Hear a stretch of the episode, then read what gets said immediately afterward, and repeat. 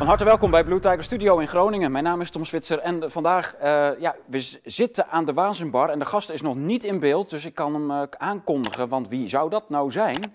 U kunt hem kennen, want het is een bestseller-auteur. Hij heeft een, uh, ook een uitgeverij, dus het is een collega en concurrent. En het is heel grappig, we hebben een nieuw boek van deze concurrent, conculega en bestseller-auteur, maar ook Tweede Kamerlid. En dat is natuurlijk Thierry. Van harte welkom, jongen. Dankjewel, Tom. Ja, ja super leuk dat je er bent. En je bent er niks voor, niet voor niks. Ik ga jou feliciteren met jouw uh, nieuwe boek, De Gideonsbende. Dankjewel. Ik moest wel lachen met die titel. Ja. Hij is af, hij is van de drukker.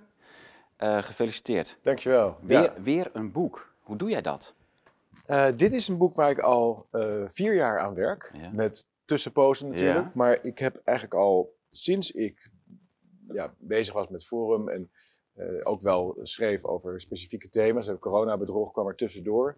Maar heb ik willen opschrijven ja, deze? hoe. Ja, ja. Die, uh, die, heeft het natuurlijk ook uh, een jaar geleden uitgebracht. Ja. Heeft het heel goed gedaan toen. Was ook het eerste boek waarin echt die kritiek op die vaccinaties. dat allemaal uitgewerkt werd. Ja. Maar ik wilde fundamenteler. Ik wilde echt toe naar wat is nou de kern van de zaak. Waarom kies ik er steeds voor om ehm, niet te buigen en mee te gaan met het, het, het, verhaal van het gevestigde systeem, waarmee je misschien in een way zou je dan succesvoller kunnen zijn. Hè?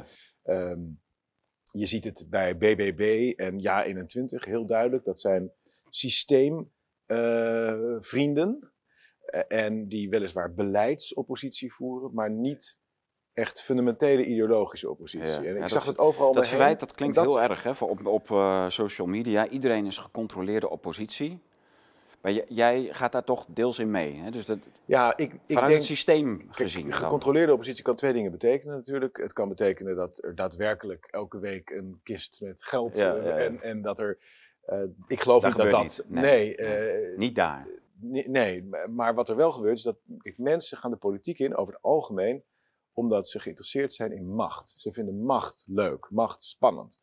En dat is een belangrijkere drijfveer voor verreweg de meeste mensen dan een ideaal of ideologie. Of wat, wat wil je nou echt fundamenteel?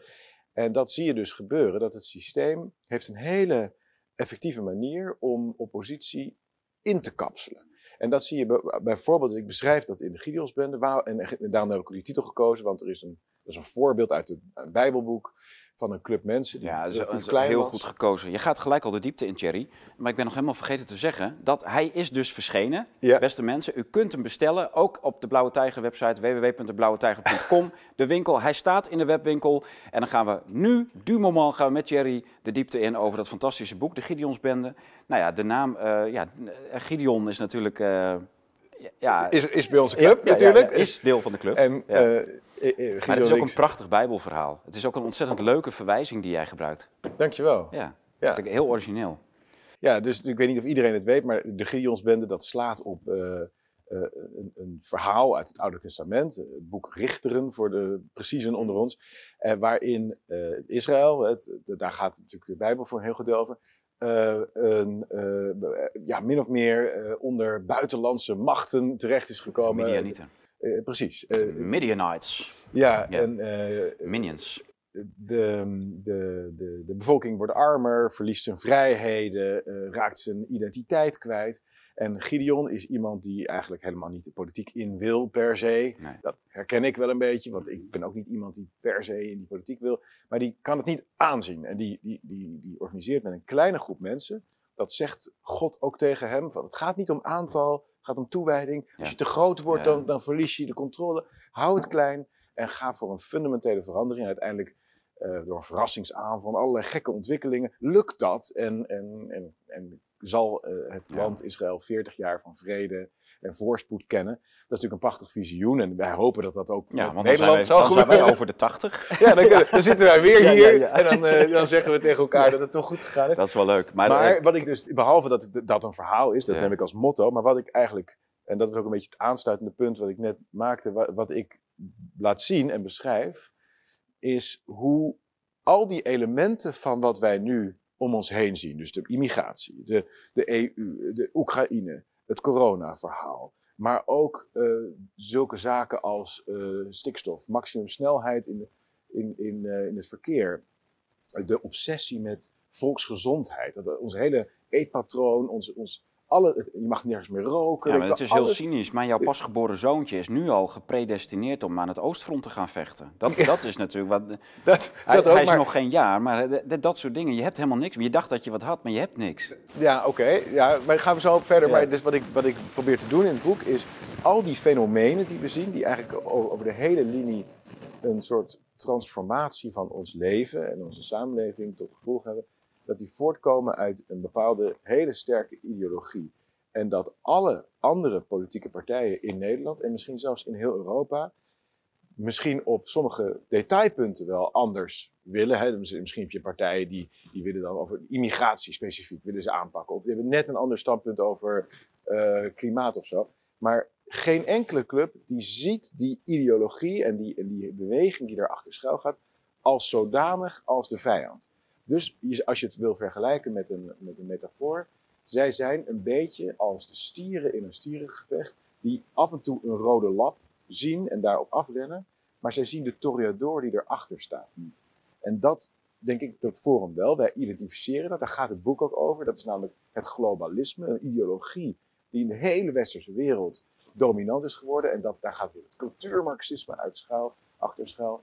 En dat moeten we in kaart hebben en, en, en, en koppelen aan de beleidsrichtingen om het te kunnen bekritiseren en uiteindelijk verslaan. Ja. Dus ik denk dat wat Forum doet, juist ook door het hebben geaccepteerd van die afsplitsers en al die mensen, dat is van wezensbelang voor, voor het slagen van onze beweging. En als je Nou, met hoe- je wat 21 voor ontwikkeling heb je daar zelf- gedoemd te verliezen. Want je hebt natuurlijk met al die mensen heb je ooit een samenwerking aange- aangegaan. Terwijl ja, eh, Joost Eertmans, Annabel, dat waren nooit meer dan neocons. Echt rechts waren ze natuurlijk niet. Ja. Dus een beetje anti-islamrechts. En eh, Joost was helemaal een, eh, nou ja, hij komt uit de, uit de school van Opstelten. Toch nog eigenlijk een hele liberale jongen. Ja. Heb, heb jij zelf een ontwikkeling doorgemaakt, ook in het selecteren van kandidaten, maar ook in de mensen met wie je samenwerkt en de inhoud hè, van, van wat je nu beschrijft, dat je zegt van nou, ik ben toch misschien wel wat minder liberaal, ik ben nog meer antisysteem geworden. Of, Nou, mijn, ik vind dat eh, ik in mijn denkbeelden over de samenleving heel consistent ben eigenlijk. Als je dit, dit, alleen ik, ben wel, ik heb er wel steeds meer thema's bijgenomen. Dus Oké, tien jaar geleden was het aanval op de natiestaat. Eh, eh, het ging over de EU en over de immigratie. Toen kwam daar twee jaar later in oikofobie ook het klimaatverhaal bij. Weer een paar jaar later kwam het hele eh, bureaucratisch despotisme erbij. Van de, Ja. de, de, het hele leven willen controleren. Ja. Toen kwam de corona erbij. En uiteindelijk ook Oekraïne en, en Rusland en de geopolitiek. Dus het is, ik vind het heel consistent. Er zijn wel steeds meer elementen in beeld gekomen. Maar ehm, ik ben zelf voor mijn gevoel niet veranderd. Wat wel veranderd is inderdaad, is dat ik eh, de mens waarmee je in de politiek zit, beter ben gaan zien. En daar. Ehm, nou ik vind het heel typisch de Gideonsbende. Hè? Want Catherine Austin Fitz had hier van de week, die video die werd gelijk in twee uur van eh, YouTube gegooid. Ja, er zo. werden weer dingen gezegd die niet gezegd mochten worden. te veel waarheid. Ja, hij staat nu op Bluetooth.studio, dus dan kunnen mensen hem zien. Die had het dus ook over de eh, Gideon en de Midianites. En dat was, zij had ook een leuk verhaal, want zij, zij zei van de noodzaak van nu is meer dan ooit dat je wel met een kleine groep kan overleven en zelfs de vijand verslaat, kunt verslaan. Maar dat het zo belangrijk is dat je de juiste mensen om je heen hebt die loyaal zijn, dat je elkaar op blind kan vertrouwen. En dat is denk ik misschien wel iets wat, wat je wel eigen hebt gemaakt. Hè? Dat je niet meer de mensen uitkiest die misschien ideologisch een beetje dichtbij staan. Of dat er een soort van ja, een, een range aan, hè, van, van, van klassiek liberaal, neoconservatief tot rechts, reactionair, weet ik het. Maar dat je echt nu mensen om je heen hebt die je kan vertrouwen. Ja, je kan- dat hoop ik natuurlijk. Ja, Ja, eh, ja, ja goed. ik- Jij zit er dagelijks in. Ik, eh, verschrikkelijk vinden als er nu nog een keer een afsplitsing zou komen. hmm. Eh, maar ik had wel, ik ben nu ook statenlid. Ik weet niet of je dat weet, maar ik, ik was Zag met het. voorkeurstorm verkozen. En ik kon nu weer, want het was een shuffle. Ik, voor de laatste twee maanden van de, deze periode van de Provinciale Staten, ik, ik ga erin en ik ga het meemaken. Ben je er, heb je al Ik heb een vergadering meegemaakt Ja, en, en? dat was wel grappig. Nou, je had eh, natuurlijk de Ja-21 afsplitsers. Ja, Die zitten daar ook in eh, Noord-Holland. Ja. Dus dat is Annabel Nanninga, Daniel van den Berg, Ivo Mantel, een aantal andere namen. ja. En over de hele linie zag ik gewoon dat zij, dat, dat zij helemaal geen ideologische stellingname. Dus Tata Steel moet dicht, want is vervuilend en eh, niet klimaatneutraal. Ehm, eh, ze willen eh, het is stikstof, weet je, dat, ze snappen helemaal dat natuurlijk moet er stikstofreductie zijn, maar laten we nou even wat anders organiseren. Uh, oh ja, um, er moet het wasmachinewater en uh, moet worden gerecycled in de wc's. Want dat is klimaatneutraler en beter voor het milieu en ja, zo. Ja. Um, nou, en nog zo, corona zijn ze natuurlijk ook uh, allemaal voor de vaccinaties. En Rusland zijn ze helemaal tegen, en NAVO. En, Dus over de hele linie. Het was echt, ik herken die mensen überhaupt niet meer terug. Ja.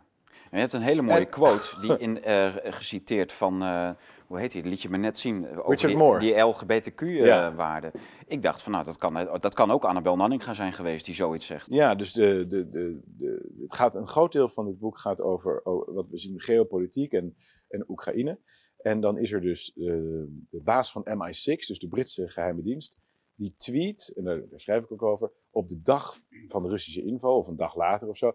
Um, vergeet nooit dat de waarden die hier uh, die, die, die centraal staan eh, zijn van alle waarden zijn vooral de LHBT plus rechten. Laten we dus een reeks tweets uitsturen om LGBTHM2022 uh, te benadrukken. Dat is dus de baas van de Britse Veiligheidsdienst op de dag uh, na de Russische invasie. Die zijn dus bereid om het hele Oekraïnse volk over de klink te jagen voor hun LGBTQ ja, ideologie. Nou ja, wat ik betoog in dit boek is dat die woke LGBT, dat is misschien niet het hart, maar wel een van de harten, de kernen van de ideologie. Want uiteindelijk komt die ideologie, die dus voor al die crisis zorgt, die verstoring neer op een herhaling, zo betoog ik, van de oude droom van de Franse revolutie nog. Wij vechten uiteindelijk tegen de Franse revolutie. Marxisme is daar een uitvloeisel van. Liberalisme is daar een uitvloeisel van. Maar en Robert, cultuur... Lem zegt, uh, Robert Lem zegt zelfs dat conservatisme daar een uitvloeisel van is. Ja, dat, nou ja, het, heel bijzonder. in een bepaalde definitie van het conservatisme ben ik het mee eens. Puur het, het, het, het, uh, procedurele conservatisme, zeg maar. Maar maar dat is D66. Die, die vechten met, met grof geweld iets, uh, die bevechten iets en die willen dan iets realiseren. En dan gaan ze met alle mogelijke middelen datgene wat ze bevochten hebben, conserveren. En dat, dat, Soort, dat soort conservatisme. Ja, precies. Ja. Ja, maar uh, wat is nou die oude droom? Die oude droom van de Franse revolutie, van het marxisme, van het liberalisme, van het cultuurmarxisme, van het globalisme. Dat zijn allemaal uitdrukkingen van het, de mens willen emanciperen van, van zijn familie, van zijn nationale identiteit en van zijn privébezit. Dus met andere woorden, de droom, dat is uit, wat ik betoogde, waar we uiteindelijk tegen vechten. En je zou dus kunnen zeggen dat dat in een way ook is wat in het Oude Testament gebeurt. Willen we een volk zijn of willen we opgaan in de volkeren? Um, vandaar dat Gideons verhaal. Nationale identiteiten moeten verdunnen en verdwijnen. Nationale soevereiniteit ook. Dat is natuurlijk evident. Massamigratie, maar ook ja. supranationalisme families moeten ook vanaf. Want dat, dat, dat geeft mensen een little platoon, een identiteit die, die sterk is, een hechte community. En privébezit natuurlijk ook. Rousseau zegt het al. Dat is het begin van het wij-zij-denken in de wereld dat iemand een hekje slaat om zijn huis en zegt: Dit is van mij. Ja. Dus daar willen ze vanaf. Dat is, dat is ten diepste wat er gaande is. Maar, maar dit hele gedoe, hè, met, en dat uh, visioen. Met, met, de nazistaat en de EU. Ja, maar daar komt dus dat LHBT globalisme. Ja, oké. maar dat is toch eigenlijk de bron van alle problemen. Dat je een nazistaat hebt met een geweldsmonopolie. En het, het is vanaf het begin af aan, vanaf 1848, is het de zuilen aan het onderuit trekken. Zijn, is het het familiegezag aan het, aan het ondermijnen. Uh, moet allemaal, allemaal, alles moet staats geïndoctrineerd worden. Het hele schoolsysteem kreeg je toen. Alles om die kinderen maar van de ouders te vervremen. Ja. En uh, allerlei. Uh, en die staat zit echt in alle echte mensenrelaties. Tussen man en vrouw, tussen ouders en kinderen, tussen ouders en grootouders. Ga zo maar door. Alles wat een organische samenleving maakt, daar zit de staat inmiddels tussen. En toch zeg jij, het gaat om die natiestaat. Ja, nee, ik Hoe ben, zie jij dat? Nou, ik ben het met je eens dat er um, een centraliserende tendens zit in de vanaf de 19e eeuw tot ontwikkeling komende uh, centrale staat. En dat, dat, um, dat daar een lijn in zit naar de controlestaat die we nu hebben. En ook inderdaad het, alle kindjes moeten staatsburgers worden, Ja, in, ja. eh, eh, primair. Ja. En niet primair bijvoorbeeld. eh, Die civiel religion die de Duitsers eh, hebben ja, gehad, en hè, in Frankrijk is ook heel eh, duidelijk. Frankrijk dat, ook, eh, dat, eh, en en, en ehm, in naam van die staat zijn natuurlijk ook verschrikkelijke oorlogen gevoerd. En dat, is allemaal waar. Maar wat, eh, wat ik bedoel eigenlijk is een, een, eh, een bepaalde cultuur, een gedeelde cultuur. En het, de term nazistaat is misschien wat dat betreft wat verwarrend. Kijk, het is in veel gevallen ook wel een, een, een bezielend verband. Misschien wel het grootste verband dat wij kunnen bevatten. Maar een dorpsgemeenschap of een streekgemeenschap mag je wat mij betreft ook onder dat begrip scharen. Ik bedoel er niet Ja. zozeer mee de almachtige staat waar mensen hun leven voor zouden moeten offeren. Maar ik bedoel meer het idee dat wij meer delen met elkaar dan alleen maar toevallig op dit stukje grond wonen. Ja, Dat we een bepaalde historische architectuur hebben. Dat, dat, ik ben nu in Groningen natuurlijk, maar ik voel me toch, ja, natuurlijk zijn Groningers een beetje anders dan Hollanders, maar het is wel één nationale cultuur. en jouw grootvader heeft hier meer. nog eh, gedoseerd, hè? Ja, mijn ouders zijn hier opgegroeid. Ja, ja. ja prachtig. Ja. Maar dus wat je ziet is dat die woke, en, en dat is. Dus het is, ik denk dat het heel belangrijk is. Je kan eigenlijk twee soorten politiek voeren. Je kan incidentenpolitiek voeren en dan voer je beleidsoppositie. En dan gebeurt er elke keer iets en dan denk je, Ja, oh, reageer erop. Ja, wat gebeurt er nu? Ja. En dan gaan we de excessen gaan we dan. Maar dat is visieloos, zeg jij. Ja, en dat, maar dat is typerend voor de oppositie die, die nu ook wordt gepusht door de systeemmedia. En weet je, weet je, oh, Caroline van der Plas. Terwijl Caroline van der Plas onderschrijft de energietransitie. Eh, is, is helemaal niet zo sceptisch over immigratie. Weet je, dat moet gewoon kunnen. Is pro-EU. ehm, eh, erkent dat stikstof een probleem is. Is tegen eh, Rusland en voor de NAVO in Oekraïne. En zo. Dus er is helemaal geen, was met corona gevaccineerd enzovoort. Dus er is helemaal geen fundamentele oppositie. Het enige wat zij een beetje doet, is een beetje mopperen en een beetje. En dat doet Omtzigt ook. Ja. En, en Ja21 ook. En dat is wat wij oppositie noemen in Nederland, in de pers. Maar dat is dus beleidsoppositie. Dat is gewoon een beetje op het beleid kijken. en Een paar Wat- cijfertjes meer of minder. Wat- wat maar ik- wat dus ik niet het andere begrijp, wat je kan doen. Wat ik niet begrijp, Thierry, is dat het toch aanslaat. Hè? Zo omzicht en Van der Plas. Ik, ik, er zit ook wat zuurigs in en wat, wat zuinigs. En het is, eh, nou ja, omzicht. eh, ik, ja, ik vond het altijd zo grappig dat hij dan op een gegeven moment met dat kindertoeslagendossier. heeft hij natuurlijk wel iets voor elkaar ge- gebokst. Maar op een gegeven moment dan eh, zie je hem voor die microfoon staan en dan. Ik sta hier trillend van woede. Ja. En dan denk ik van ja, ja oké, maar dat neem je dan, ja, kun je al niet meer serieus nemen. Ja. En, en Caroline ook een beetje. Maar toch zie je ze, denk ik, dat ze, ik denk dat ze heel erg gaan winnen in de pro, met de komende verkiezingen. Wat denk jij? nou, Terwijl ja. Die BBB die staat volgens mij redelijk in de peilingen. Ja, ja dus de, er zijn eigenlijk twee dingen eh, een probleem in, eh, in een democratie. En daarom wil ik ook twee verschillende paden schetsen in het boek naar de overwinning. Wat ik dan noem de overwinning. Ja. Er zijn twee grote problemen in de, in de democratie. Het ene is de systeemmedia.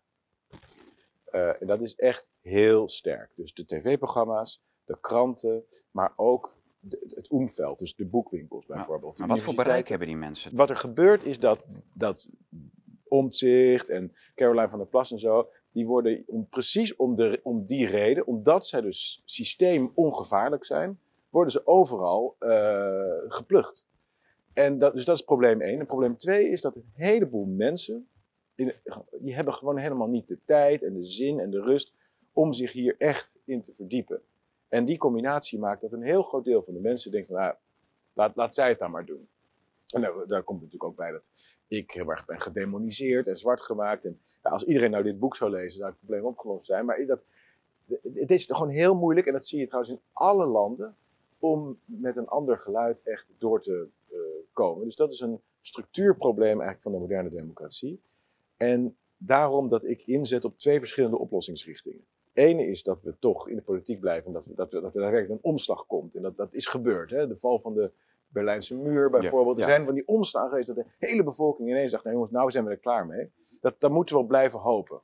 Maar zolang dat niet gebeurt, moeten we ook gewoon gaan bouwen aan onze eigen wereld. Met onze eigen scholen, onze app, eh, onze uitgeverij, jou, jouw, jouw videoplatform, ehm, tijdschrift, eh, Epoch, eh, alles, alles wat we doen. Misschien op een gegeven moment ook een, een woningcorporatie. Of een, een, Dat is een goeie. Weet je, mis- misschien moeten we ook ergens een bioscoop gaan neerzetten. Waar we gewoon een ander... Dus we moeten helemaal een eigen wereld gaan bouwen, misschien wel een eigen munt. En dat kan natuurlijk ook binnen de, binnen de kaders nog redelijk goed. Hè. De vrijheid wordt natuurlijk steeds minder, maar en ook internationaal opereren. Dus, en daar schrijf ik ook het een en ander over. Dat is wat Forum ook als één. Dus wij zijn niet alleen ideologisch uniek, maar we zijn ook pragmatisch gezien uniek. Wij zijn de enige met 60.000 leden die die leden mobiliseren en daar echt een beweging van maken. Dat ze elkaar leren kennen. En ik denk dat je daar misschien nog wel veel meer maatschappelijke macht ook mee kan organiseren. Misschien moeten we ook een eigen bank gaan opzetten. Gewoon een eigen bank. Je zit toch dan gelijk in dat systeem met die bankvergunningen en toezicht en zo. Dan zit je toch gelijk al helemaal vast weer. Ja, Kijk, er moet wel iets gebeuren, maar ik vraag me af van hoe kun je echt los van dat systeem? Of, of semi-los. Ja, maar... Nou, jij bent er hier ook semi-los. Je bent volgens mij uh, bijna zelfvoorzienend. Nog, iemand nog nou, een paar weilanden met, met koeien erbij. Ja, en dan uh, maakt niemand jou nog wat. En dat zou natuurlijk ook wel kunnen, dat hier een FVD ernaast komt, een boer en misschien iemand met een schooltje. En we moeten ook op een gegeven moment misschien territoriaal gaan denken. Dat we met z'n allen ergens een stuk land. En, ja, langzaam maar zeker. Ik snap dat het moeilijk is. Hè? Het is niet, Maar wij willen zoiets fundamenteel anders. Wij, hebben, uh, wij hebben hier een, uh, in oktober een avond gehad van een uh, Duits initiatief. En dat loopt al twaalf jaar. Ze zijn heel succesvol. Die hebben meer dan 10.000 leden. En die hebben op een gegeven moment uh, juridisch heel sluw hebben ze het aangepakt. Sluw in de zin van, uh, vind ik echt heel positief. Ja. Wij hadden natuurlijk hier al jarenlang de gezeur over autonoom leven en zo. En dan kreeg je van die mensen die gingen een levendverklaring naar het ministerie sturen. En dan, maar goed. Ja, dat is juridisch volgens mij. Is niet dat, helemaal uh, lekker. Nee, dat rammelt. Ja. Er zit wel iets in wat, wat, wat klopt. Alleen deze mensen die hebben dus op basis van een VN-handvest van indigenous people, dus de indigenen hebben ze dus de Germaan, Germaanse indigene stamverbanden opgericht. En uh, dat hebben ze, die hebben echt nu verregaande autonomie, omdat zij natuurlijk, als je als je, je als Germaan uh, bekend, ja, hoe, noem, hoe, noem, je dat in het Nederlands? Maar ze zijn, ja, ja, verklaard. Ja, verklaard. En, en dat zijn Duitsers. Die zijn, dat zijn Germanen. -huh. en dan kun je ook zeggen, ja, maar de Germaanse stam is ouder dan de Duitse natiestaat. Dus onze claims, onze aanspraak op het Duitse grondgebied, op het gebied waar wij leven, met elkaar ook in stamverband leven, is veel ouder dan elke claim van de Duitse natiestaat. En die Duitse natiestaat heeft dat VN-handvest ondertekend. Dus je hebt niet alleen maar uh, indigenous people in Amerika, Canada, Nieuw-Zeeland en Australië, maar die heb je ook gewoon hier. Ja. En die hebben onder dat handvest hebben ze echt een, uh, al hele verregaande resultaten geboekt. Dus, uh, en wat dan voor bijvoorbeeld? Wat voor een nou, als je wil kun je geen belasting betalen. Geen boetes. Je betaalt niet voor je drinkwater en elektriciteit. Want uh, je, als zij een rekening sturen, kun je een rekening terugsturen. Ja, want ja, ze maken gebruik van onze grond en infrastructuur. Dus moeten ze ook wel betalen. Gewoon dezelfde dingen die in Amerika in die, uh, Indianengemeenschappen, in, in die gemeenschappen ook gebeuren. Als daar een elektriciteitscentrale in een Indianengebied staat, dan moeten ze fors voor betalen, die, die energiemaatschappij. En daar zijn ze, dat is echt heel succesvol. Dat is ook wat anders. En waar, waar, waar wonen deze mensen in Duitsland? Verspreid door heel Duitsland. Ze hebben missieposten. Uh, en die, worden, de, die uh, worden dus nu ook in Nederland, die zijn in Nederland nu al ook opgericht. Wij krijgen dus een, niet een Germaanse stam, maar wij krijgen Friese indigene stamverbanden. Ja? Ja. Gaat buiten mij om, ik heb daar niets mee te maken. Maar het heeft, uh, het, Dit is totaal nieuw voor mij. Die Duitse avond heeft, onder de, heeft ondergronds van alles in gang gezet. En hoeveel uh, leden zijn dat dan in Duitsland? In Duitsland dus meer, nou, 12, 13.000. Zo. Ja. En in Nederland uh, ja, zijn ze heel ver. En in de epoch die in maart verschijnt, uh, kunnen mensen dus ook meer lezen daarover. Dan, uh, die vertaling van die avond hebben wij in uh, epoch gezet. Die avond is ook niet gefilmd, is niet online gekomen. Maar uh, dit, dit, is dus heel interessant. Ik ken, ik ken dus Duitsers, want die vertelden mij van ja, ik betaal geen belasting. Dat doe ik niet. Ja, hoe dan? Dan liet ze mij de ID-kaart zien van de Germaanse indigene stamverband. En een Duitse rechter heeft dit nou ja, goedgekeurd? Nee, want, want dat is weer die staatserkenning. Als er een deurwaarder bij hun aan de deur komt en je laat je pas zien, dan druipt hij af. Dat heb ik al van meerdere van hun gehoord. Ja, ik vind het een heel bijzonder verhaal. Ja, maar het. Ik begrijp niet hoe dat juridisch in nou ja, zit. Maar... Er, is, er is echt een, en dat schijnt dus dat Duitse politiesysteem schijnt dat dus wel echt te weten. Soms zijn er agenten die dat nog niet kennen en die hebben dan zo'n ID-pas. En, nou, ja, kom, uh, en, en, dan kun je zeggen van ja, u mag een kopie maken van die ID-kaart en dan kunt u mee naar uw uh, politiebureau en verifiëren. En dan uh, krijg je hem keurig terug en je hoort er nooit meer wat van. Dat heb ik al van heel veel van die Duitsers gehoord. Waanzinnig. Ja. Nou, dat is een interessante aanvulling Dat is een op het slothoofdstuk. ja. Want het slothoofdstuk gaat over de parallele samenleving. Kijk, En, en dat is dus inderdaad eh, ja, een denkrichting die ik de laatste twee, drie jaar een beetje uit ben gegaan. En ik denk dat daar. Ja, ik, ik krijg er ook zelf heel veel vreugde van. Want we hadden het er ook even over. Je moet natuurlijk niet verbitterd raken. Je kunt natuurlijk aan de zijlijn staan. Je ziet allemaal grote trends. maar daar heb jij ook toch ook veel te veel goede mensen voor om je heen om dat te doen. Gelukkig Kijk, ik wel. zit hier in, Gro- in de Groningse eenzaamheid eh, Met een bar. mezelf klem te zuipen uit pure eh, depressie. Ja, nou ja, dat is wel het mooie van Forum, denk ik. Dat wij, en dat, dat hoor je ook heel veel terug. Dat wij, Het is gezellig. En Mensen hebben echt het gevoel, we hebben doen- heel veel doen we. Hè? Elke vrijdagmiddag in Amsterdam een borrel, gewoon op het kantoor. Dan in elke maand in alle provincies, dus twaalf keer, al- altijd bij elkaar komen. Eh, we zijn overal vertegenwoordigd, daar kunnen mensen naartoe. We, hebben, ja, we doen zoveel en dat, dat, dat geeft moed, dat is mooi. Eh, Te midden van natuurlijk de ineenstorting van, van alles wat ons dierbaar is. En dat gaat steeds sneller. En het, het, is, het blijft ook heel gek dat er heel veel mensen zijn die het toch niet zien. En toch door, door, door zich laten overtuigen dat het niet anders kan. Ja. En dat die energieprijzen, ja, 30 keer 13, ja, het is nu eenmaal zo. Ja. Terwijl hier in Groningen, ja, dat, dat is gewoon ook een beetje. Maar dat, Ik ga heel ver mee met je FVD-verhaal, maar op het punt Op van gaswinning Groningen, daar- is daar zijn we diametraal. ja. ja, ja. ja, ja, dat, dat, ehm, dat, dat is een punt, Ja. daar moeten we nog maar eens een keer een aparte discussie over doen. Ja, wij willen geen Lamborghinis, wij willen onze middeleeuwse kerken en ja, dat 19e kan eeuwse 9 boerderijen miljard behouden. Tom. 9 miljard. Dan is alles. Nee. Anyway. Wil je het weten? Ja? ja, kom maar door. Kijk, de, Doe de- maar deal met het ministerie van Economische Zaken en Klimaat was destijds gebaseerd ehm, dat de gaskraan zou dan dichtgaan. En in compensatie daarvan zou het herstelgebied van Groningen zou, eh, bizar verkleind worden. Hè, dus het gebied wat eh, verstevigd en hersteld ging worden, zou heel klein zijn, zodat het ministerie daar weinig geld in hoefde te stoppen, relatief. Als die gaskraan open zou blijven, dan betekent het dat je ook dat herstelgebied, wat dus gerestaureerd moet worden of verstevigd, ja, dan moet je niet kijken naar het gebied wat als een deal uit dat, met dat ministerie uit de, uit de deal is gekomen, maar dan moet je kijken naar het hele gebied wat verstevigd moet worden. En dan praat je over 100 miljard. Nou, dan betalen we toch 100 miljard. Ja, er zit nou ja, voor goed. 2000 Ja. miljard aan, aan- in de grond. Ja, maar het, kijk, en dan, be- dan ben je dus ook driekwart van de hele provincie aan het herstellen en een deel Friesland en Drenthe. Dat is toch leuk? Goed voor de werkgelegenheid? kost 10 tot 15 jaar. Maar wij gaan natuurlijk niet hier 15 jaar wachten tot de boel hersteld is, maar die gaskraan die blijft vol open draaien. Dat kan niet. Dus hij moet ook een tijd dicht. Of in ieder geval niet verder open. Als dan alles verstevigd is, over 15 jaar, kijk, dan kunnen we in Groningen zeggen van nou, we zijn, we, we zijn zover, eh, de boel is verstevigd, we hebben onze monumenten behouden. Eh, dus het, eh, dus de, het- uiteindelijk is het enige meningsverschil tussen ons, wat doen we de komende 15 jaar? Ja, en, en de hoeveelheid geld. Het moet gewoon echt flink over de brug gekomen worden. Ja, nou ja, dat, over dat geld is volgens mij geen probleem, want er zit zo ongelooflijk veel gas Ja. in de grond. Dat is geen Ja. punt. En die, die timing, Ja, maar het is dus wij komen zo... daar wel uit. Maar ik geloof niet echt het is niet- zo van dat, dat, wij ons, dat wij hier een Lamborghini willen waarmee we dan naar Almere kunnen verhuizen en, eh, daar, en, en dat het hier gewoon We kunnen wel Lamborghinis leveren die, op gas rijden. Dan, en dan eens kijken wat er gebeurt. Maar ik, ik heb al een mooie Dodge Ram die op gas rijdt. Oké, Ja. maar in ieder geval, ehm, eh, eh, dit, dat, is een, dat is een voorbeeld van iets dat mensen accepteren dat. Ja. eh, zonder dat ze, want zelfs als je niet Groningen, er zijn natuurlijk ook andere plekken waar je gewoon gas en olie vandaan heel kan veel gas in de Noordzee. Ja, en, en Kunnen we, kunnen we echt die 10, 12, 15 jaar kunnen we daar echt wel even van mee vooruit hoor. Nou, fijn, dan doen we dat.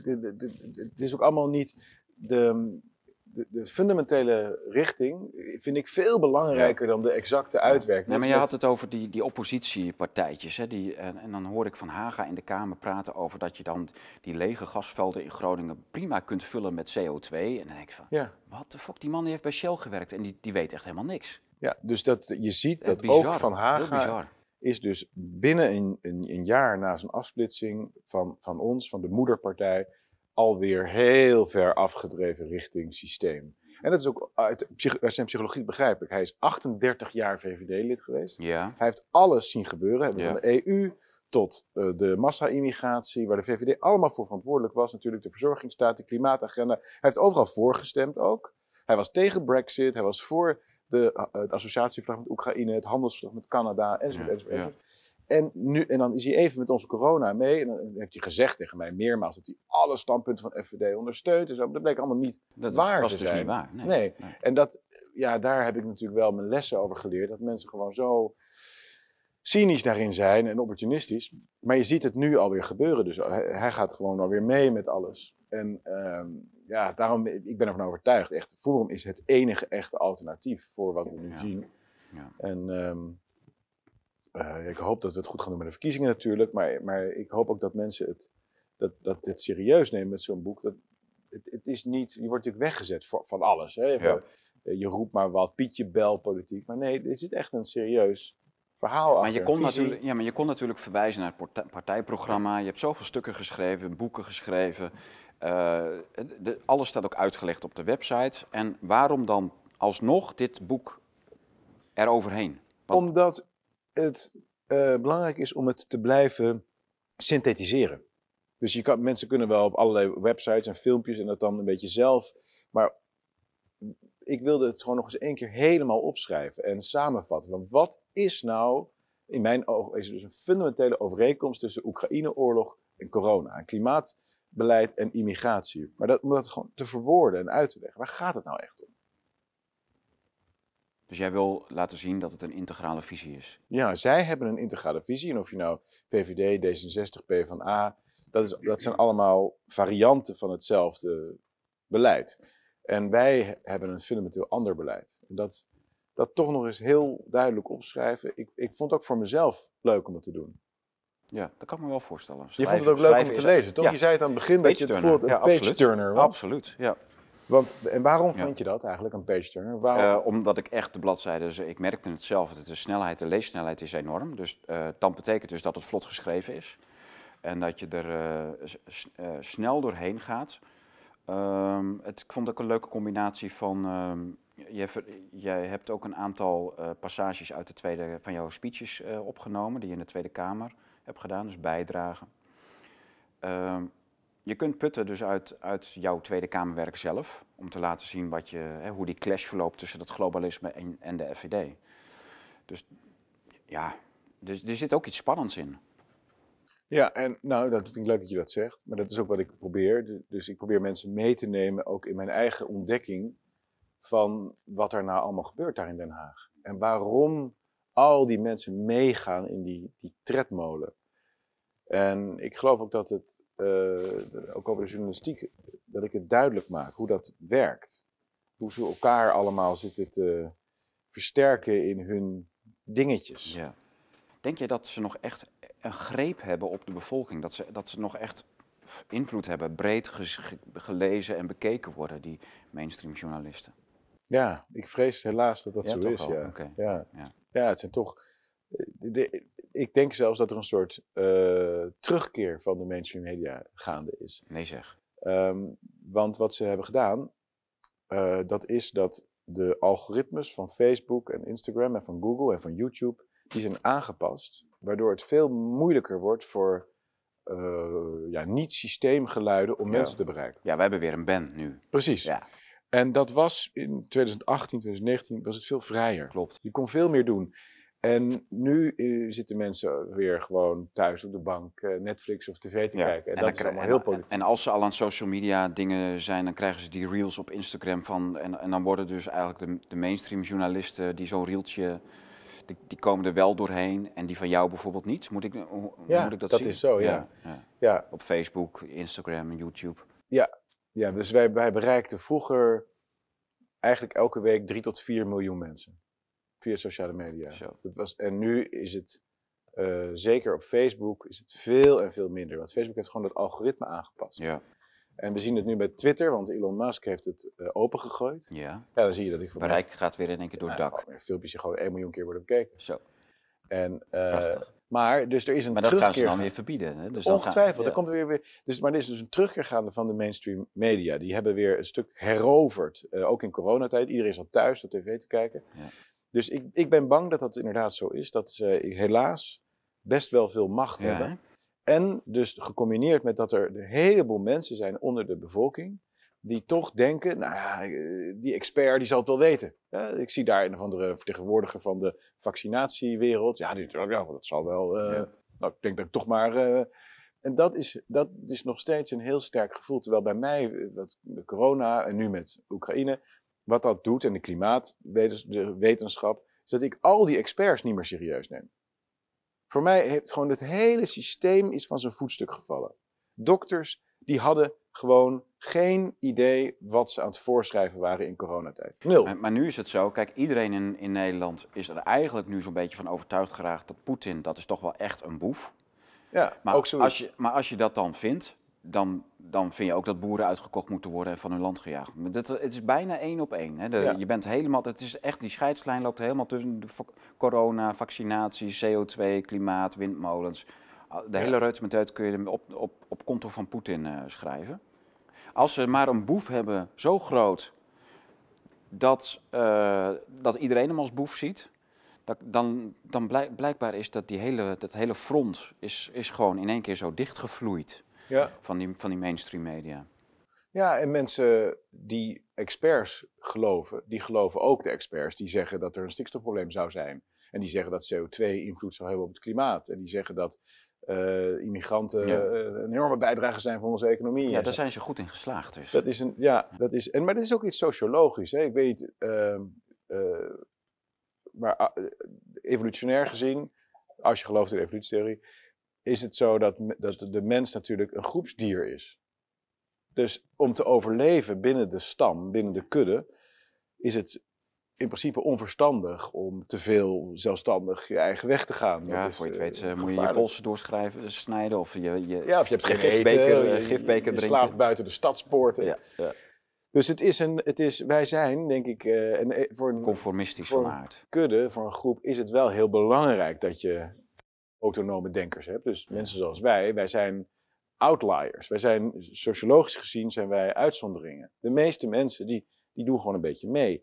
Maar dat heeft als voordeel natuurlijk ook dat als het eenmaal omkeert, dan gaan die ook allemaal mee met. Uh, en dan zullen ze alleen nooit zeggen dat wij degene waren die het zagen. Zeggen, ja. nee, langzamerhand ja. is er toch consensus ontstaan. en dan, weet je, dus het is altijd. Ja, dat is gewoon uh, de vloek van, uh, van, van vernieuwers zijn. Van, van dat, dat, dat is ons lot. Dat, ik vrees dat dat nooit gaat veranderen. Ja. maar we kunnen wel elkaar opzoeken en steun hebben aan elkaar. Ja, precies. Ja. Hoe jij dat toch volhoudt in dat Amsterdam, joh, dat is toch ongelooflijk. Heb jij nooit de behoefte van, joh, ik, ik koop een hut op de hei en uh, ik, kan daar een beetje in alle rust uh, mezelf zijn? Nou, ik vind het leuke aan in Amsterdam wonen dat daar een heleboel gekke mensen wonen, zoals ik, Toch wel. zeg maar. dus iedereen is daar een beetje uh, apart. Ja. ik zou me denk ik veel minder vrij voelen in een middelgrote stad als Leiden of Den Haag. Zwolle. Zwolle, ja. ik denk dat de sociale controle daar veel groter is. Dus of inderdaad platteland of grote stad. Dat is, daar, nou, daar zijn de twee plekken waar je... Ja, ja.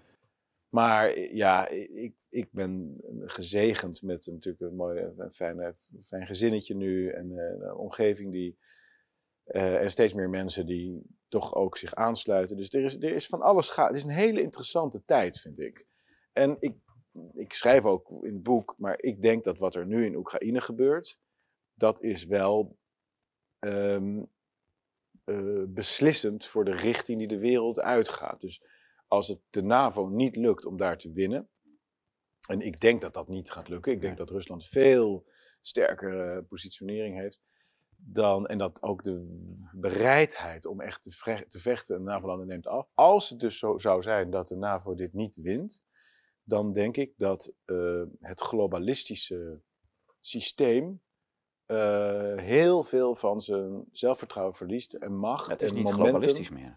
Nee, dan is het dus niet meer mondiaal. Maar ook de hele filosofie, dus als het gaat van wij zijn voor de LHBT-rechten, daar vechten we voor. Dat hele Dat is natuurlijk dat is een heel belangrijke quote, denk ik, van Emma, MI6. En ook um, uh, wat je nu ziet met die Pim Lammers, die, die kinderboekenweek yeah. uh, gedichtschrijver, of niet meer nu, maar die dan nu enorm gepromoot wordt, grote advertenties overal in de boekwinkel's. Waarom is dit nou zo wezenlijk voor ze? Omdat het gaat om het maakbaarheidsdenken. De, de, de mens is maakbaar, het leven is maakbaar. Dat is de Franse revolutie ook, die jij Zeker. Ja. En dat is ook wat ze nu willen doen met Oekraïne. Ze, ze willen gewoon dat, dat helemaal. Ze maken er een artificieel land van. Die mensen zijn helemaal niet voor LHBT. Die mensen zijn daar heel intolerant voor, voor gays en zo. Maar ze willen dat erop leggen, Ja. ze willen dat creëren. Ja, en als dat mislukt, en het, het lukt gewoon niet. En Rusland is natuurlijk het, het oervoorbeeld van iets wat niet maakbaar is. Het is zo'n groot land, het is Ja. ook bijna niet bestuurbaar, denk ik. Hè? Nee. Dus er wordt Poetin een dictator. Nou ja, maar zoveel macht heeft hij niet over wat er in de uithoeken van dat Precies. rijk gebeurt. Weet je, Ja, het is gigantisch.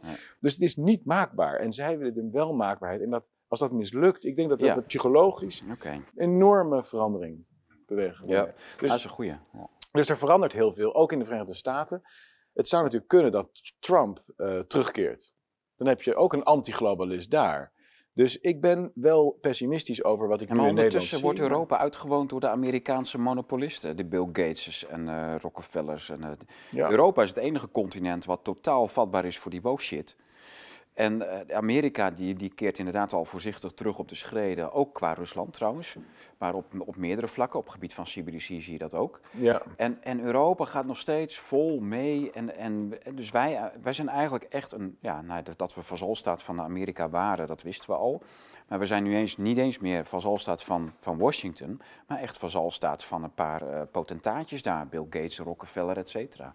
Ja. Dat is toch ongelooflijk? Ja. Dat dat hier gewoon dat dat gewoon niet ophoudt hier. Ja, en het een volstrekte gebrek, ook bij wat vroeger links heette, aan, aan inzicht daarop. Hè. Links was vroeger tegen groot kapitaal en tegen militarisme. Nou, ik zag net het eh, partijcongres van GroenLinks en PvdA, Jesse Klaver. We gaan nooit eh, Oekraïne laten vallen, al kost het ons ons hele leger. En we gaan ervoor en defensieuitgaven omhoog en bla bla bla. En dus inderdaad eh, allemaal mee met Pfizer, Bill Gates, eh, Monsanto, Ja. noem het allemaal op. Dat is een hele vreemde eh, ontwikkeling. En eh, ja, ik, ik kan het alleen maar verklaren vanuit een, eh, zoals ik dat boek, doe in het boek, vanuit een, een mindset die dus globalistisch is. Dat, dat we moeten af van de nationale verbanden, we moeten af van de familiestructuren, we moeten af van het privé-eigendom. En wie kunnen dat gaan doen? De multinationals en de supranationale organisaties. Dus, dus NAVO, EU, dat soort dingen. En dat is zo sterk, want zij zien gewoon dat het alternatief is dat we weer terugvallen in die traditionele samenleving. En dat, dat is hun vijand. Dus ze zijn eigenlijk niet zozeer ehm, voor gelijkheid, maar ze zijn vooral tegen traditionele samenleving. Ja, ja omdat En de gelijkheid was een soort was een, was een, was een wapen. dat een tijd Ja, lang. om de dingen weer uit elkaar te Net trekken. als die- vrijheid van meningsuiting. Ze zijn er niet voor vrijheid van meningsuiting. Nee, Ze waren voor vrijheid van meningsuiting op het moment dat dat gebruikt kon worden om iets dingen kapot te maken. En dat is wat nu zichtbaar gaat worden. Maar ik vind het ook een heel gekunsteld iets hoor, vrijheid van meningsuiting. Een vriend van mij die zei hoort van ja, maar ik, ik, ik hoef toch niet, ik ben eh, totaal niet geïnteresseerd in 17 miljoen meningen. En eh, dat vond ik wel opmerkelijk. Hè? Want dat idee dat iedereen iets zinnigs te zeggen heeft, dat is natuurlijk met hoe meer vrijheid van meningsuiting we hadden, of hoe minder zinnigs er gezegd was. echt een soort van eh, babbelrecht. Maar dan ga je toch naar een verjaardag toe waar lekker, iedereen lekker met elkaar aan het babbelen is. Dan heb je het ook nog gezellig. Maar die, die, die holle retoriek op de treurbuis, dat was natuurlijk echt. eh, ja, er, er werd, er werd nooit meer iets. wa- Wanneer hebben we nog zinnige mensen gehad? Ge- Hilterman was nog leuk vroeger. Ja, Old- en dan ben je langs Oldmans, Op- eh, Willem Oltmans. Ja, nou ja. B.F. Hermans kijk, was het- ook leuk. Het, het, het, eh, zoals ik het bedoel, de vrijheid van meningsuiting, is dat er dus geen censuur Ja, ja, oké. is. Ja. En dat zie je wel, niet alleen op sociale media en in de systeemmedia en dat soort dingen, maar zelfs dat, dat het strafrecht steeds vaker om de hoek komt kijken. Ja. Eh, dit is- ik vind het echt beangstigend. De, de, de, het oprekken van. Ja, er wordt ook weer naar Poetin gewezen. Dat was ook zo grappig dat er een paar weken terug was, er zo'n, eh, was dat uitgezocht. Hè. Poetin had, eh, of in Rusland waren er 400 mensen opgepakt vanwege een opiniedelict. En in, En in het Verenigd Koninkrijk 3300. Ja, ja. ja. ja, dat slaat nergens op. Weet je dat je in het Verenigd Koninkrijk al eh, opgepakt wordt wanneer je gewoon op een zeepkist op straat de Bijbel gaat voorlezen? Nee, dat wist ik Er niet. staan hele opruiende teksten in, daar moet je de mensen toch tegen beschermen. Oh ja, ja. ja je kunt precies. echt gewoon maanden de cel in. Voor dat. Ongelooflijk, hè? Ja, onvoorstelbaar. Ja, en Julian Assange zit nog steeds vast. En Waanzin. nee, het Westen is. eh, ik weet niet precies wanneer dat nou gebeurd is, maar het Westen is zijn eh, morele verband. Ja, er zit- ja, het is de totale high machts, machtsverhaal. ground volledig kwijt. Ja. Het is en, en het wordt krampachtig geprobeerd vast te houden aan een narratief, aan een verhaal. En eh, ja, eh, ik vind het heel beangstigend. Ook wat de EU nu weer allemaal aan voorstellen heeft om nepnieuws tegen te gaan, om Ja. eh, scholen eh, met, Ja. met, met indoctrinatie. eh, Ja, ik weet nog dat ik daar met een, eh, het vorige EU-parlementslid van de SGP, eh, die Bas Belder, heb ik daarover gecorrespondeerd. En later verwees hij mij door naar een medewerker, want hij komt niet aan, denk ik dat was heel, heel absurd. Was, eh, de SGP stemde namelijk in met die, met die nepnieuwsaanpak van de EU. Jaren terug. Ik denk vijf jaar of zes jaar terug. Ja. En ik zei van, weet, eh, besef je niet dat dit tegen jullie zelf gebruikt gaat worden? Want de SGP die, ja, die heeft allemaal eh, eh, D66-onwelgevallige standpunten. Ja. maar het ging echt om Rusland en het was echt, eh, we moeten de invloed van Rusland in de EU aanpakken. Maar dit nou, is dus een truc die ze steeds toepassen. Maar die invloed van Rusland in de EU is er niet. Je hebt Russia Today gehad en verder niet. Ja, spoed maar inderdaad. Nou ja, nee, maar, dit is dat, dus, maar dat is wat ze steeds doen. Dus ze hebben ook, dus 9-11, ik schrijf ook over 9-11 in het boek en over hoe, hoe wat een geestes geestesverbijstering dat was. Dat we, dat we gewoon daar maar, allemaal oorlogen zijn begonnen. Maar ze hebben dus allemaal dingen gebruikt om ons vrijheden af te pakken. Bijvoorbeeld privacy. de hele en anti-islam surveillance. agenda. Dat Met is een- gewoon eh, met- maar, ja, maar dit is dus nooit gebruikt Nee. om terroristen en zo op te pakken. Nee. Het wordt ge- nu gebruikt om Tegen mensen zoals ons... eh, uiteraard. en, en dat is wat ze steeds doen. Dus ook zo'n Bas Belder, en de SGP überhaupt, ja, die, die loopt met open ogen hun eigen, hun eigen kuil in. Waarom, Thierry? Wat is het? Ja, dat is wat ik dus noem eh, de, de, de psychologie van de macht. Dit zijn mensen die, die gaan de politiek in omdat ze in macht geïnteresseerd zijn. En ze willen meedoen met de macht. Niet En omdat interessant ze primair- gevonden worden. Ja, In die kringetjes van de en dat macht. geldt ook voor Kees van der Staaij. En het Ja. zijn mensen die zitten er ook. Dat is ook de activiteit. Het was heel interessant. De activiteit van de politicus is de hele dag koffie drinken. En we hadden was een paar dagen geleden kwam de NOS. Dat was echt super interessant. Met een lijstje van de tien minst actieve statenleden, de mensen die er Ja. minst, minst vaak waren. Ja, ja, ja, en dat waren dan negen van de tien volgens hen. Nee, tien waren FVD'ers. Top 10 minst actief. En 9 van de 10 waren, dat was dus nepnieuws. Want 9 van de 10 waren al, al lang afgesplitst of eruit gegooid of zo. En die, die zijn gewoon nooit meer gekomen. Dat waren gewoon, Gewoon niet geïnteresseerd. lamlendige figuren Ja. die dachten, nou, we hebben ons dingetje binnen. Eerst Dus ten eerste, het was nepnieuws. ja. Maar, Mm. maar, het- maar het belangrijkste punt was eigenlijk iets anders. Dat is namelijk dat dus de NOS en daarmee de hele mainstream journalistiek, alle kranten namen het over en zo, die definiëren het politieke werk in kwantitatieve termen. Dus hoeveel kamervragen stel je? Hoeveel moties dien je in? Hoeveel debat? Zit jij daar de hele dag? Zit je daar op je krent daar actief te zijn? Terwijl, wat is nou het hele punt van volksvertegenwoordiging? Dat, jij, dat je een verhaal houdt, dat je, er- je ergens inleest, dat je bij mensen op bezoek gaat, Dat je de juiste vragen stelt. Ook dat. Ja. Dus Ja, het- en dat je het volk vertegenwoordigt. Dus kwalitatief, je kan misschien veel meer bereiken met één goede motie dan met duizend zinloze dingen. Maar ook, ehm, niemand neemt de tijd om is fundamenteel over dingen na te denken. Want ze moeten de hele dag daar zitten en, honderd, en al die stukken lezen. En, eh, Aan debatten deelnemen. ja, overal Vermoeiend. debatten deelnemen, eindeloos debatjes, debatjes, debatjes. Dus, maar dat, dus dat, dat zie je dus ook met de SGP en anderen. Niemand heeft volgens mij de afgelopen twintig jaar eens even vijf boeken gelezen over 9-11. Jij wel. Ik, ik ben daar Ja. door corona, moet ik, moet ik toegeven. Hè. Ik heb ook lang in die sluimer gezeten, want het zal wel, mainstream verhaal zal wel ongeveer kloppen. En, maar ik ben er dus even echt ingedoken. En nog een heleboel andere thema's ben ik echt ingedoken. Klimaatverandering heb ik me echt serieus in verdiept. De euromunt heb ik me serieus in verdiept. Allerlei van dat soort onderwerpen. Maar dat doen al die mensen niet. Dus je vroeg, wat verklaart nou dat zo'n Kees van der Staaij en Bas Belder, dat die toch in die waan van de dag zitten? Maar dat komt onder andere door die cult van aanwezig zijn, actief zijn, dat hele definiëring van politiek als daar rondlopen in die commissies en bezig zijn. En, en- terwijl ik, ik heb wel eens gezegd, een beetje gekscherend, maar er zit een kern van waarheid in. Wat mij betreft zou het Kamerwerk eigenlijk een halve dag per week moeten zijn.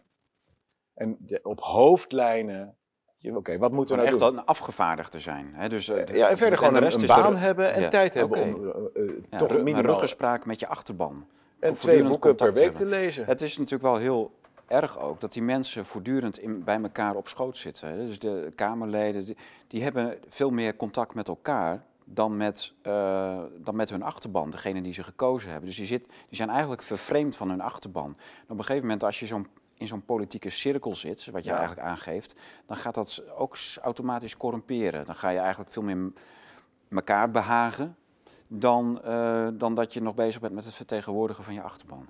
Ja, precies. Dat is, dat is mijn, uh, mijn stelling. En of het nou een halve dag per week is of, of wat dan ook. Maar het, het, idee dat het een fulltime baan zou moeten zijn, dat leidt ertoe dat ze zich met micromanagement gaan bezighouden. Grote lijn niet meer zien. Ja, je geeft tal van voorbeelden van micromanagement in dat boek. Belachelijke dingen over, uh, over, over de, de, suikervlees en, en alcohol verbieden en zo.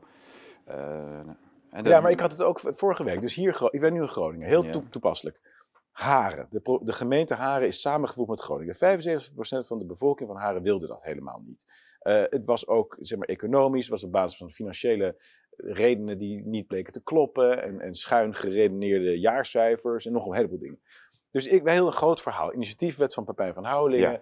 Over het belang ja, van leuk. kleinschaligheid. Die is er al heel lang mee bezig, hè? met haren vooral. Ja, ja, maar het belang van kleinschaligheid en nou, gewoon een fundamenteel verhaal en pleidooi ontvlecht het kom ik een interruptie van Martin Bosma, nota bene, van de PVV. Die dus ook kennelijk, en die zegt, ja, wat moet ik nou met dit voorstel? Want ik, er staat nergens hoeveel vuilniswagens dan naar Haren moeten en naar Groningen. En hoe doen we dat dan met het opnieuw inrichten van het gemeentehuis? En, Allemachtig. En ik zei, ja, maar kijk, natuurlijk, als je daar de hele dag mee bezig bent, dan denk je op een gegeven moment, dit gaat nooit lukken en laten we maar zo. Uh, terwijl eh, dat is niet de taak van, daar moeten die ambtenaren. Maar vijf jaar geleden kon het toch ook allemaal? Reden de vuilniswagens in Haren? Natuurlijk en, kan dat gewoon. Maar dat om aan te geven hoe, hoe er dus in de Tweede Kamer, wat je zou zeggen, dat is het hoogste landelijke orgaan waar we over de richting van het land, dit is het niveau. Wat een gemekker.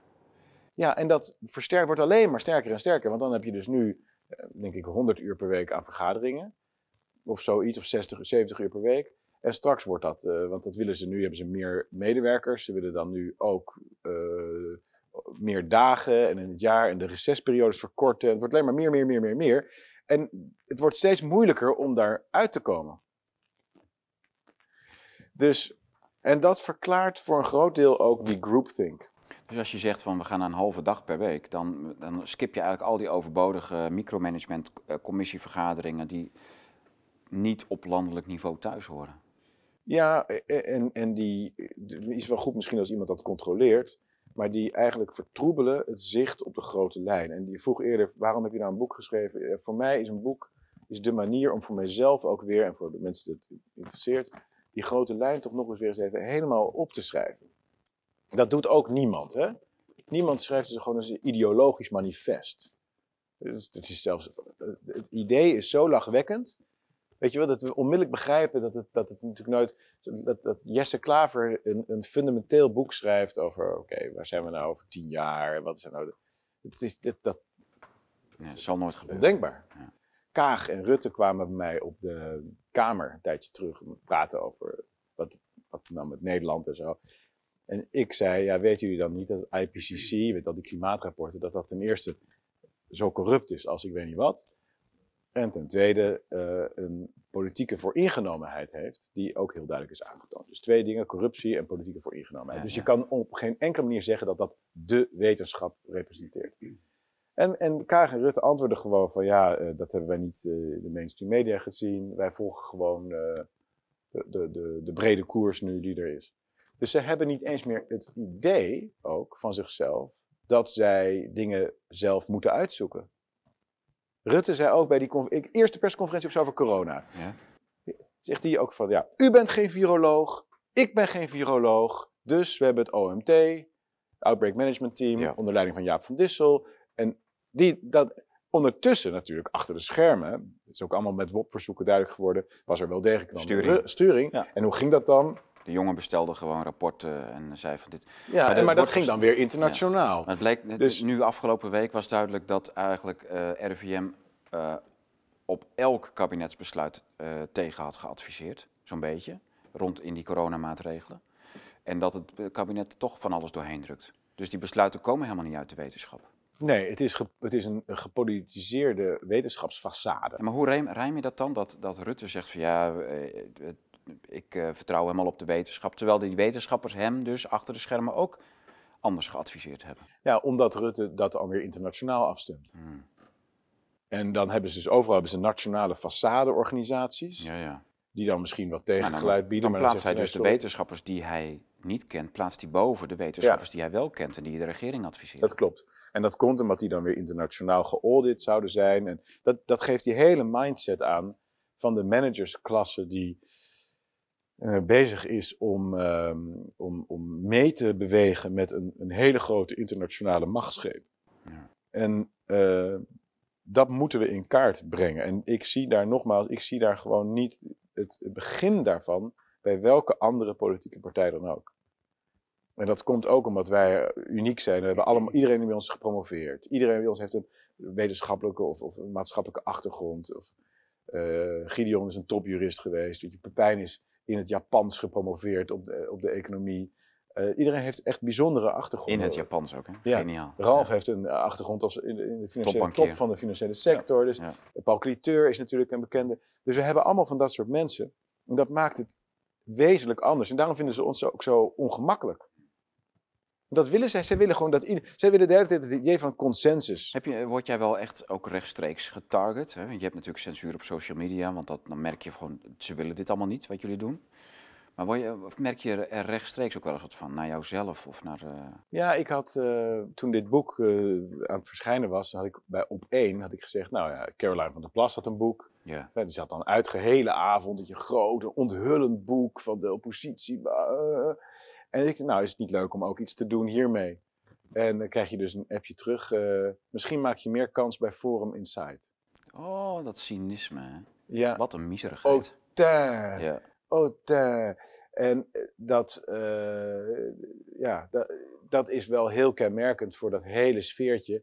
Dus zij, zij, dat smalende. Ja. Maar al die redacteurtjes daar, hè, dat hebben ze nou nooit een keer door van mijn eigen leven. In de, het einde van mijn loopbaan heb ik nog steeds datzelfde miserige baantje met een middelmatig loontje.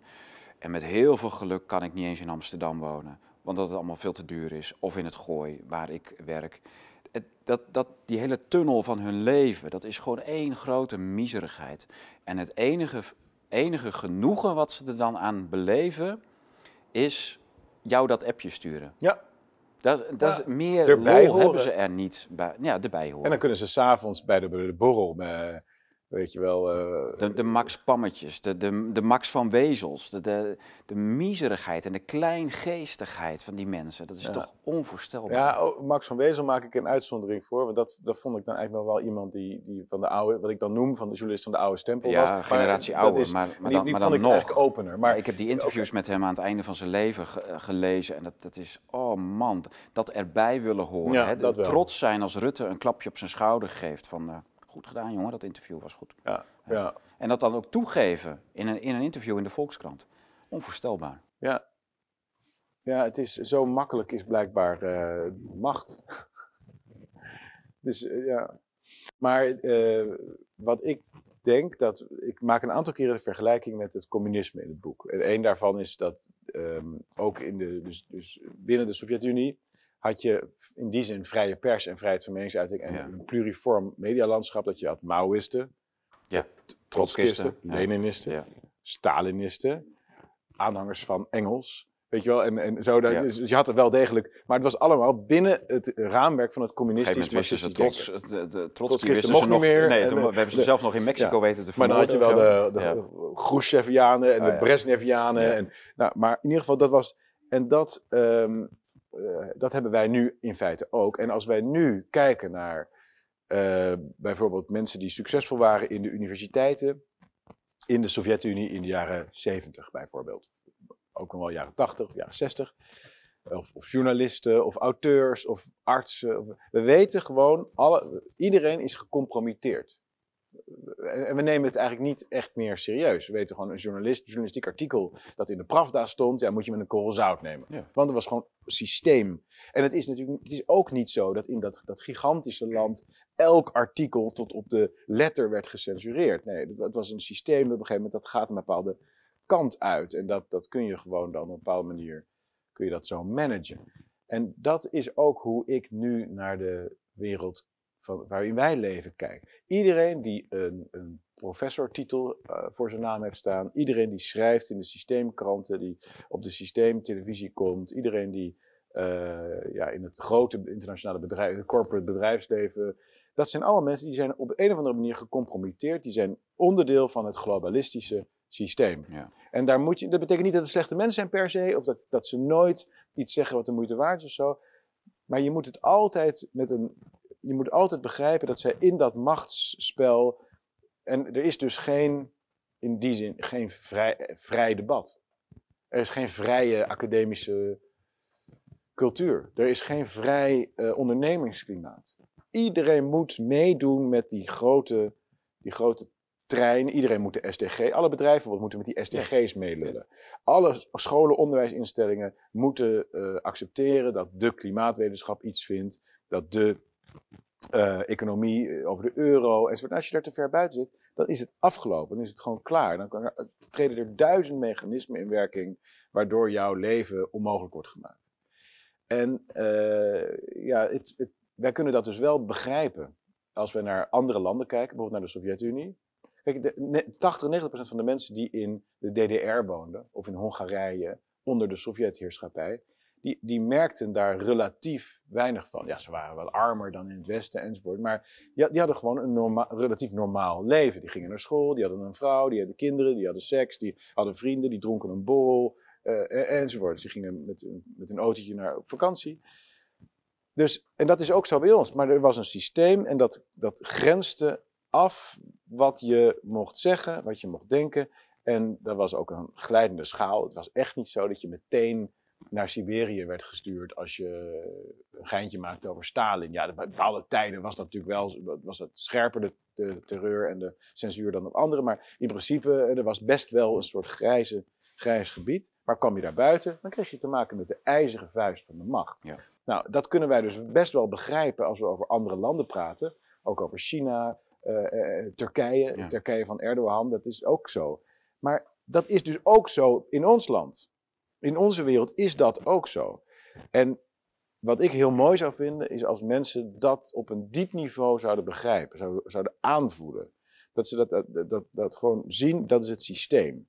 Er zit systeempers in, er zit systeemwetenschap in, er zit systeemondernemerschap in, wat via licenties en zo door de overheid Eigenlijk is dat een soort verdeling van monopolies of quasi-oligopolies.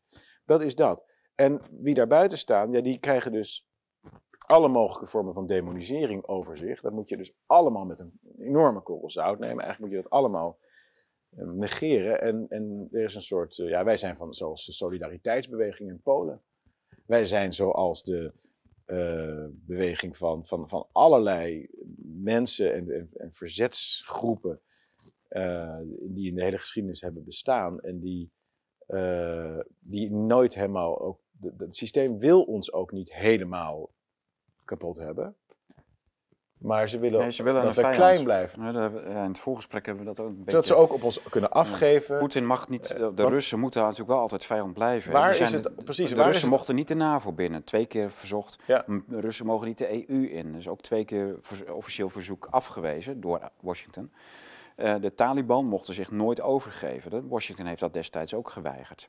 Ja. Dat heeft in de trouw gestaan. dus het systeem heeft wel vijanden nodig. Ja, dus zowel buiten als binnen het systeem. ja, ze moeten ook... Waar zijn, waar, waarom anders kunnen zij de antifascisten zijn als er geen fascisten meer zijn? Niet, ze, kunnen niet deugen. ze kunnen niet deugen als ze geen vijand hebben om zich tegen af te zetten. Ja, ja. ja. dat, zo zit het in elkaar. Maar Assange ging te ver. dat is wel, dat is wel duidelijk. dan ga je te ver en dan word je gewoon levenslang opgesloten, word je gemarteld. En dan heb je ook. En niemand maalt daar ook om, hè? Bizar. Niemand maakt erop. Het is een soort van, ook die journalisten met die, met die leventjes. de held van de media. Ja, toen was hij even de held. En toen was het idee dat dat mocht en nu niet meer. Uh, hetzelfde geldt voor dat, hoe mensen meebewegen. Dat um, uh, ten tijde van uh, Obama moesten we gematigd denken over het regime van Iran. Vond ook iedereen. Ja. En nu is, het, is de wind gedraaid van de geheime diensten en zo. Dus nu is het allemaal van verschrikkelijk en regime change. Ja. Dus je ziet, en, en een groot deel van de mensen registreert dat dan ook niet voor zichzelf. Van, maar oh, maar acht jaar geleden vond ik nog dat. Nee, nee dat, is, dat is wel vergeten. Nee, want het gaat nu over vrouwenrechten. Ja, oh ja, oh dan is iedereen het ermee eens. Ja, dat is hem. Ja. Ja. Ja, en dat is heel... Ja, maar ze is cynisch, hè? Want je ziet het gewoon, die- al die kleurenrevoluties overal ter wereld. En als je zegt van, joh, eh, denk je niet dat hier wat aan de hand is in Iran? Want het gaat nu, in Oekraïne gaat het over LGBTQ en in Iran gaat het over vrouwenrechten. Ja, dan zie ik de CIA alweer... eh, Ja, dat Ja, is de of- zwakke plek van de westerse mens. Daar kunnen we elke keer weer op worden. En dan gaan we weer eh, een of andere oorlog beginnen of iets. Het is bizar. idee Af- afgelopen week kwam die Seymour Hersh met een waanzinnig lang en goed artikel over dat de Amerikanen Nord Stream 2 opgeblazen hebben. En ja, vanaf het begin wist ik, het is MI6 of, of eh, CIA. Het Ja. is één van tweeën. Ja. Ja, en toen in één keer, eh, ja nee, het kan ook de Russen zijn geweest, kwam er in de media. Dus er is westerse journalisten die serieus gaan, ja, dat hebben Russen zelf gedaan. En Als bewijs van de ultieme slechtheid. Ze Ja, zijn zo slecht dat ze zelfs. Hun destructiedrang is zo groot dat ze zelfs hun eigen spullen aan het opblazen zijn. dat, mensen dat geloven. Knetter, knetter. Het is crazy. Maar het Maar ergste dit is dat het geen effect heeft. Het Dus, blijft maar doorgaan. dus je, je ziet gewoon dat een, een, inderdaad een van de meest bekroonde journalisten ter wereld. ja, die Seymour Hersh. ja, die heeft dat dan helemaal uitgezocht met bronnen. En als je dat artikel leest, dan denk je, nou ja, Vent van 85 jaar. Hè? ja, heeft ook helemaal geen belangen. Nee. Maar dat het nergens in de mainstream media wordt overgenomen. Een soort van. Nou, het is dus. Ja. Ja, maar ik, het is dus niet, ik geloof niet dat het zo werkt. Net als met corona werkt het niet zo. Dat er een telefoontje is geweest van jongens, eh, hier mag je niet over praten. Nee, dit is gewoon. Dit Doen is ze zelf al. Zelf is gewoon geïnternaliseerd. Dat op Amerika kun je, mag je geen kritiek hebben tenzij er een republikeinse president zit. Ja. Ehm, eigenlijk, alle kritiek op Rusland is goed, hoeft niet gefactcheckt te worden, want dat is gewoon dat. Ja. Corona, hetzelfde verhaal. Tik, tik, tik, tik, tik. Eh, Zelensky, geen kritiek op. Het is ook zo grappig. Er waren allemaal van die koppen van The Guardian en zo over de corruptie van Zelensky. En, en inderdaad, de, de, de, de, de nazi, de fascistische. ge- ge- De eh, Azov-bataljons. knok- eh, knokploegen, inderdaad. Toen net even de wind anders was. Ja, ja. En nu is het zo van helemaal alleen maar alles wat je over Oekraïne hoort is fantastisch. En, en dat, dat, ja, kennelijk is het mogelijk. En dat, ik ben ook wel anders gaan denken over de Sovjet-Unie. Ik ben, Ja. meer gaan begrijpen Ja, hoe dat systeem werkt. Ja. Heb jij ook die, eh, die Amerikaanse diplomaat wel eens eh, gelezen? Weet je ook alweer? Die, eh, die is een tijdje ambassadeur geweest in Moskou. Ehm, heeft hij nou heel veel leuke boeken geschreven over de Sovjet-tijd. Die ben ik, jaren terug ben ik die allemaal gaan lezen. Zo mild. En iedereen ook in Rusland of in de Sovjet-tijd wist ook van het, het, het werkt nou eenmaal zo. Maar we hebben als we dit en dit en dit doen, hebben we echt een perfecte vrijheid om nog, om nog te kunnen eh, opereren en ook blijven nadenken. Je had echt heel veel oppositie in die tijd. Er was veel meer, eh, eigenlijk veel meer mediavrijheid dan, dan dat ik vind dat ik nu heb. Ja, ja. Ik, weet niet welke auteur je Nou, bedoelt. Ik zou wel leuk vinden Als ik, te het, weten. als, ik hem, als ik hem weer in, als die te binnen schiet, dan zeg je, oh ja, die. Dat is echt eh, een bekende Amerikaan. Jaren 50 zat hij in Moskou. Heeft ook in Berlijn gezeten als eh, ambassadeur. En daarna werd hij in Moskou uitgegooid. Vanwege, iets, een, vanwege een misverstand. En daarna is hij eh, eh, ja, studeerkamergeleerde geworden. Heeft hij alleen nog maar mooie boeken geschreven. Ik zou, ik zou het graag... Het Westen en Rusland, heel mooi boek. Dat is ook allemaal in het Nederlands verschenen. Hele mooie boeken. Eh, en Ja, maar dat is- George, dat is- George Kennan? Kennan. George Kennan. Oh ja. ja. Nou, dat is ook wel dat is een element dat ook in dit boek van mij eh, voorkomt. Dat is dat het eigenlijk heel gezond is voor, en daar, dat is dus wat speelt met Oekraïne, voor, de, voor een samenleving als er meerdere grote machtsblokken op aarde zijn. Ja. En dat was in de Koude Oorlogstijd natuurlijk heel duidelijk. Eh, en wat je dan krijgt, is dat er toch op zijn minst een, een, gevoel is dat er ook een andere kijk op allerlei dingen mogelijk is. En ehm, dat is weg nu in onze tijd. Dit is nu, we leven nu in een tijd dat men erover van overtuigd is dat, dat er toch consensus is over. En dat, dat een hele trits van dingen. En, en dat is denk ik uiteindelijk het grootste probleem. Waarom er zo weinig vrijheid is. Waarom, er, waarom de staat steeds meer de macht overneemt. Waarom dat internationale conglomeraat zo samenklontert. Er is geen oppositie meer. Dat vond ik ook zo grappig toen ik in Davos was bij het World Economic Forum. Kijk, wij zijn volgens mij opgegroeid nog in een tijd dat als je een onderwerp wil uitdiepen, dan, heb je, dan moet je een voor- en een tegenstander tegenover elkaar zetten. Ja. Dan, en die gaan dan Debat. strijden met elkaar en dan, en dan leer je iets. Maar wat je dus nu hebt, steeds meer, die, die, want die, die, die discussievorm die, is, die bestaat eigenlijk niet meer. Nee, polemiek is dat. En dat, dat is wel weg. Dus wat doen ze bij het World Economic Forum? Daar hebben ze paneldiscussies. Oh, paneldiscussies waarin die mensen niet niet clashen, niet, op, niet voor Zijn- tegen. We zijn het met elkaar eens. Ja, en, en, en aspecten van een probleem benoemen. En dat heb ik gezien toen ik de aanval op de Nazistaat schreef, mijn proefschrift over de EU. En, en ik was geïnteresseerd, hoe ging nou de, ehm, de ontwikkeling van de discussie over de euromunt? En wat ze toen deden, was dat ze hadden een, allerlei conferenties en lezingen en discussies in Europa. De Lago Maggiore, daar staat een, een, een of andere villa. Villa de Lest. Villa de Leste, Ja, dat was het. Dat is, dat Daarom is was wel echt het mooiste, maar- mooiste pand ter wereld. Nou, bijna. daar mooiste plek ook ter wereld. Fantastisch. Ja, nou, dat is daar. En dan eh, een maand of anderhalf later in het een of andere Escorial in Madrid. Oh, oh ja. En het Paleis op de Dam, dat was ook onderdeel daarvan. Allemaal plekken. Gewoon dat je echt, nou, eh, eh, ik ben, toch heel wat als ik daar word uitgenodigd. Ja, ja, ja. En dat is allemaal economen en die werden dan uitgenodigd om te spreken over de euromunt en dit en dat. Eerste conferentie heb je, eh, weet, nou, noem eens wat, 30% is tegen, 30% is neutraal, 30% is voor. Tweede conferentie nodigen ze die 30% die tegen was niet meer uit. Ja, je krijgt toch weer 1000 euro, of 1000 gulden toen natuurlijk nog, of, of florijnen, of Ja. eh, franc, of wat dan ook maar. Vergoeding, pesos. Je wordt uitgenodigd daar, zijn natuurlijk ook leuke meiden, lekker eten, bla bla bla. Ja, iedereen denkt, nou, ik, ik schuif wel een beetje op. En na drie, vier, vijf van dat soort bijeenkomsten, van die paneldiscussies, waarin het dus niet voor tegen de euro, maar meer van, oké, wat zijn de aspecten van dit, aspecten van dat, eh, ontstaat een soort gevoel van consensus. Natuurlijk, zoals de organisatie het wil, een bepaalde richting uit.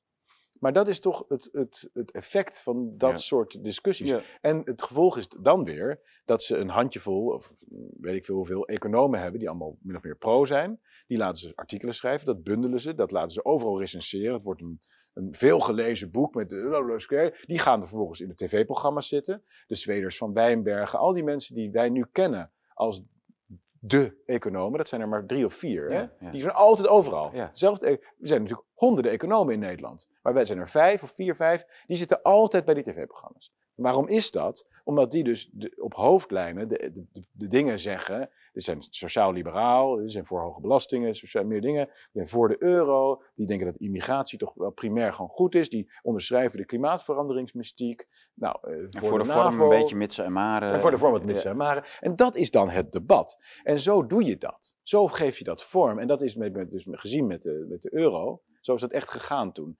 Maar met corona natuurlijk hetzelfde verhaal. Ja. Hoeveel virologen zijn er in Nederland? En er zijn er iets van drie. En die zitten overal, altijd. En dat zijn Marion Koopmans en, nog twee. En die vertellen het verhaal en die worden overal uitgenodigd. En die krijgen de dingen, de position papers, bla bla bla. En zo, zo creëer je dus de klimaatverandering ook. Hoeveel klimaatwetenschappers zijn er? Marcel Krok, die weet alles. Wordt nooit uitgenodigd. Ja, zo doe je dat. Zo, dat, is de, de- ook zo'n schrijver die ik zelf, jij noemt eh, George Cannon. Ehm, Noam Chomsky. Ja, Toen ik opgroeide, Ja, ja, was dat een lefty. Ik dacht, die man is gek. Hij was tegen de oorlog in Afghanistan, gek. Irak, het neoconservatisme. Hij had meteen door dat 9-11 een scam was. En ik dacht, ja, weet je, wat moet je met die vent?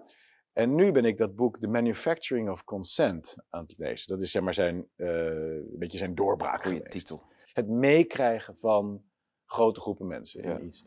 En hij beschrijft precies dit soort, dit soort processen, maar al in de jaren 70. Het is al zo lang aan de gang. Dus ik ben over zoveel dingen ben ik weer nieuwsgieriger geworden. Ik kan me nog zo herinneren, de generatie van mijn grootouders, hoe die, hoe, hoe die omaatjes zo, zo, zo konden zwijmelen bij het idee van vadertje Drees. Maar datzelfde gewoon eh, op Balkenende projecteren.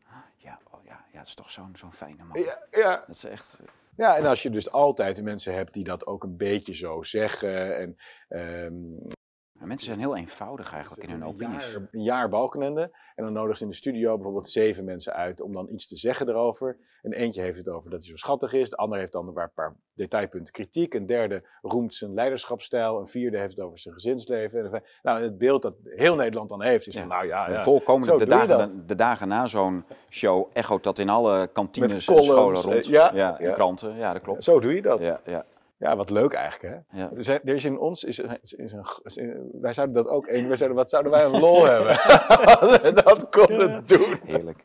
Ja. Maar ja, Ja. dat is dus, eh, dat is de Gideonsbende, my friend. ja, leuk, Jerry. Ontzettend leuk.